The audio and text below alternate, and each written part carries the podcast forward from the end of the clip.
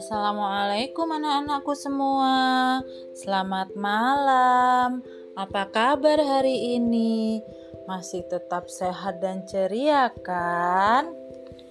Nah, malam ini Mami akan membacakan buku yang berjudul Macan Tutul, Keledai, dan Anjing tapi malam ini Mami Ika nggak sendirian loh. Mami Ika ditemani oleh Mbak Ais. Halo teman-teman. Nah, sebelum Mami mulai ceritanya, kita siap-siap dahulu ya. Yuk, disimak sama-sama ya. Mami mulai macan tutul, keledai, dan anjing. Suatu hari, keledai pergi mencari anjing. Keledai sengaja mencari anjing untuk berburu bersama di sebuah hutan. Keledai dan anjing pergi ke hutan. Namun, sebelum mereka memasuki hutan, keledai menemui macan tutul yang sedang tiduran di sebuah pohon. Keledai mengajak macan tutul pergi berburu bersama.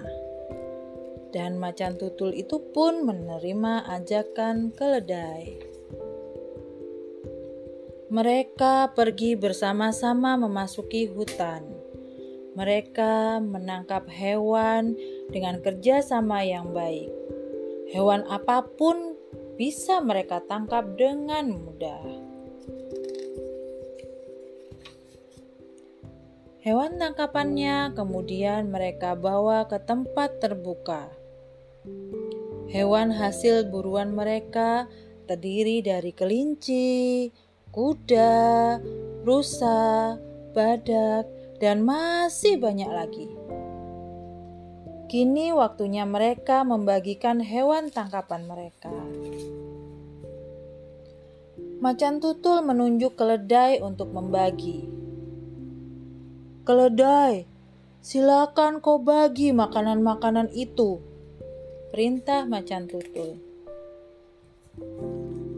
Keledai menghitung dengan cermat hewan tangkapannya. Setelah keledai menghitung, dia membagikan hewan-hewan itu secara adil dengan membagi tiga bagian yang sama banyak. Melihat pembagian itu, macan tutul sangat marah. Kemudian dia menerkam keledai hingga keledai itu mati. Kini, tumpukan makanan telah bertambah Kemudian macan tutul menoleh ke arah anjing. Sekarang kamu bagikan hewan-hewan itu. Perintahnya dengan marah.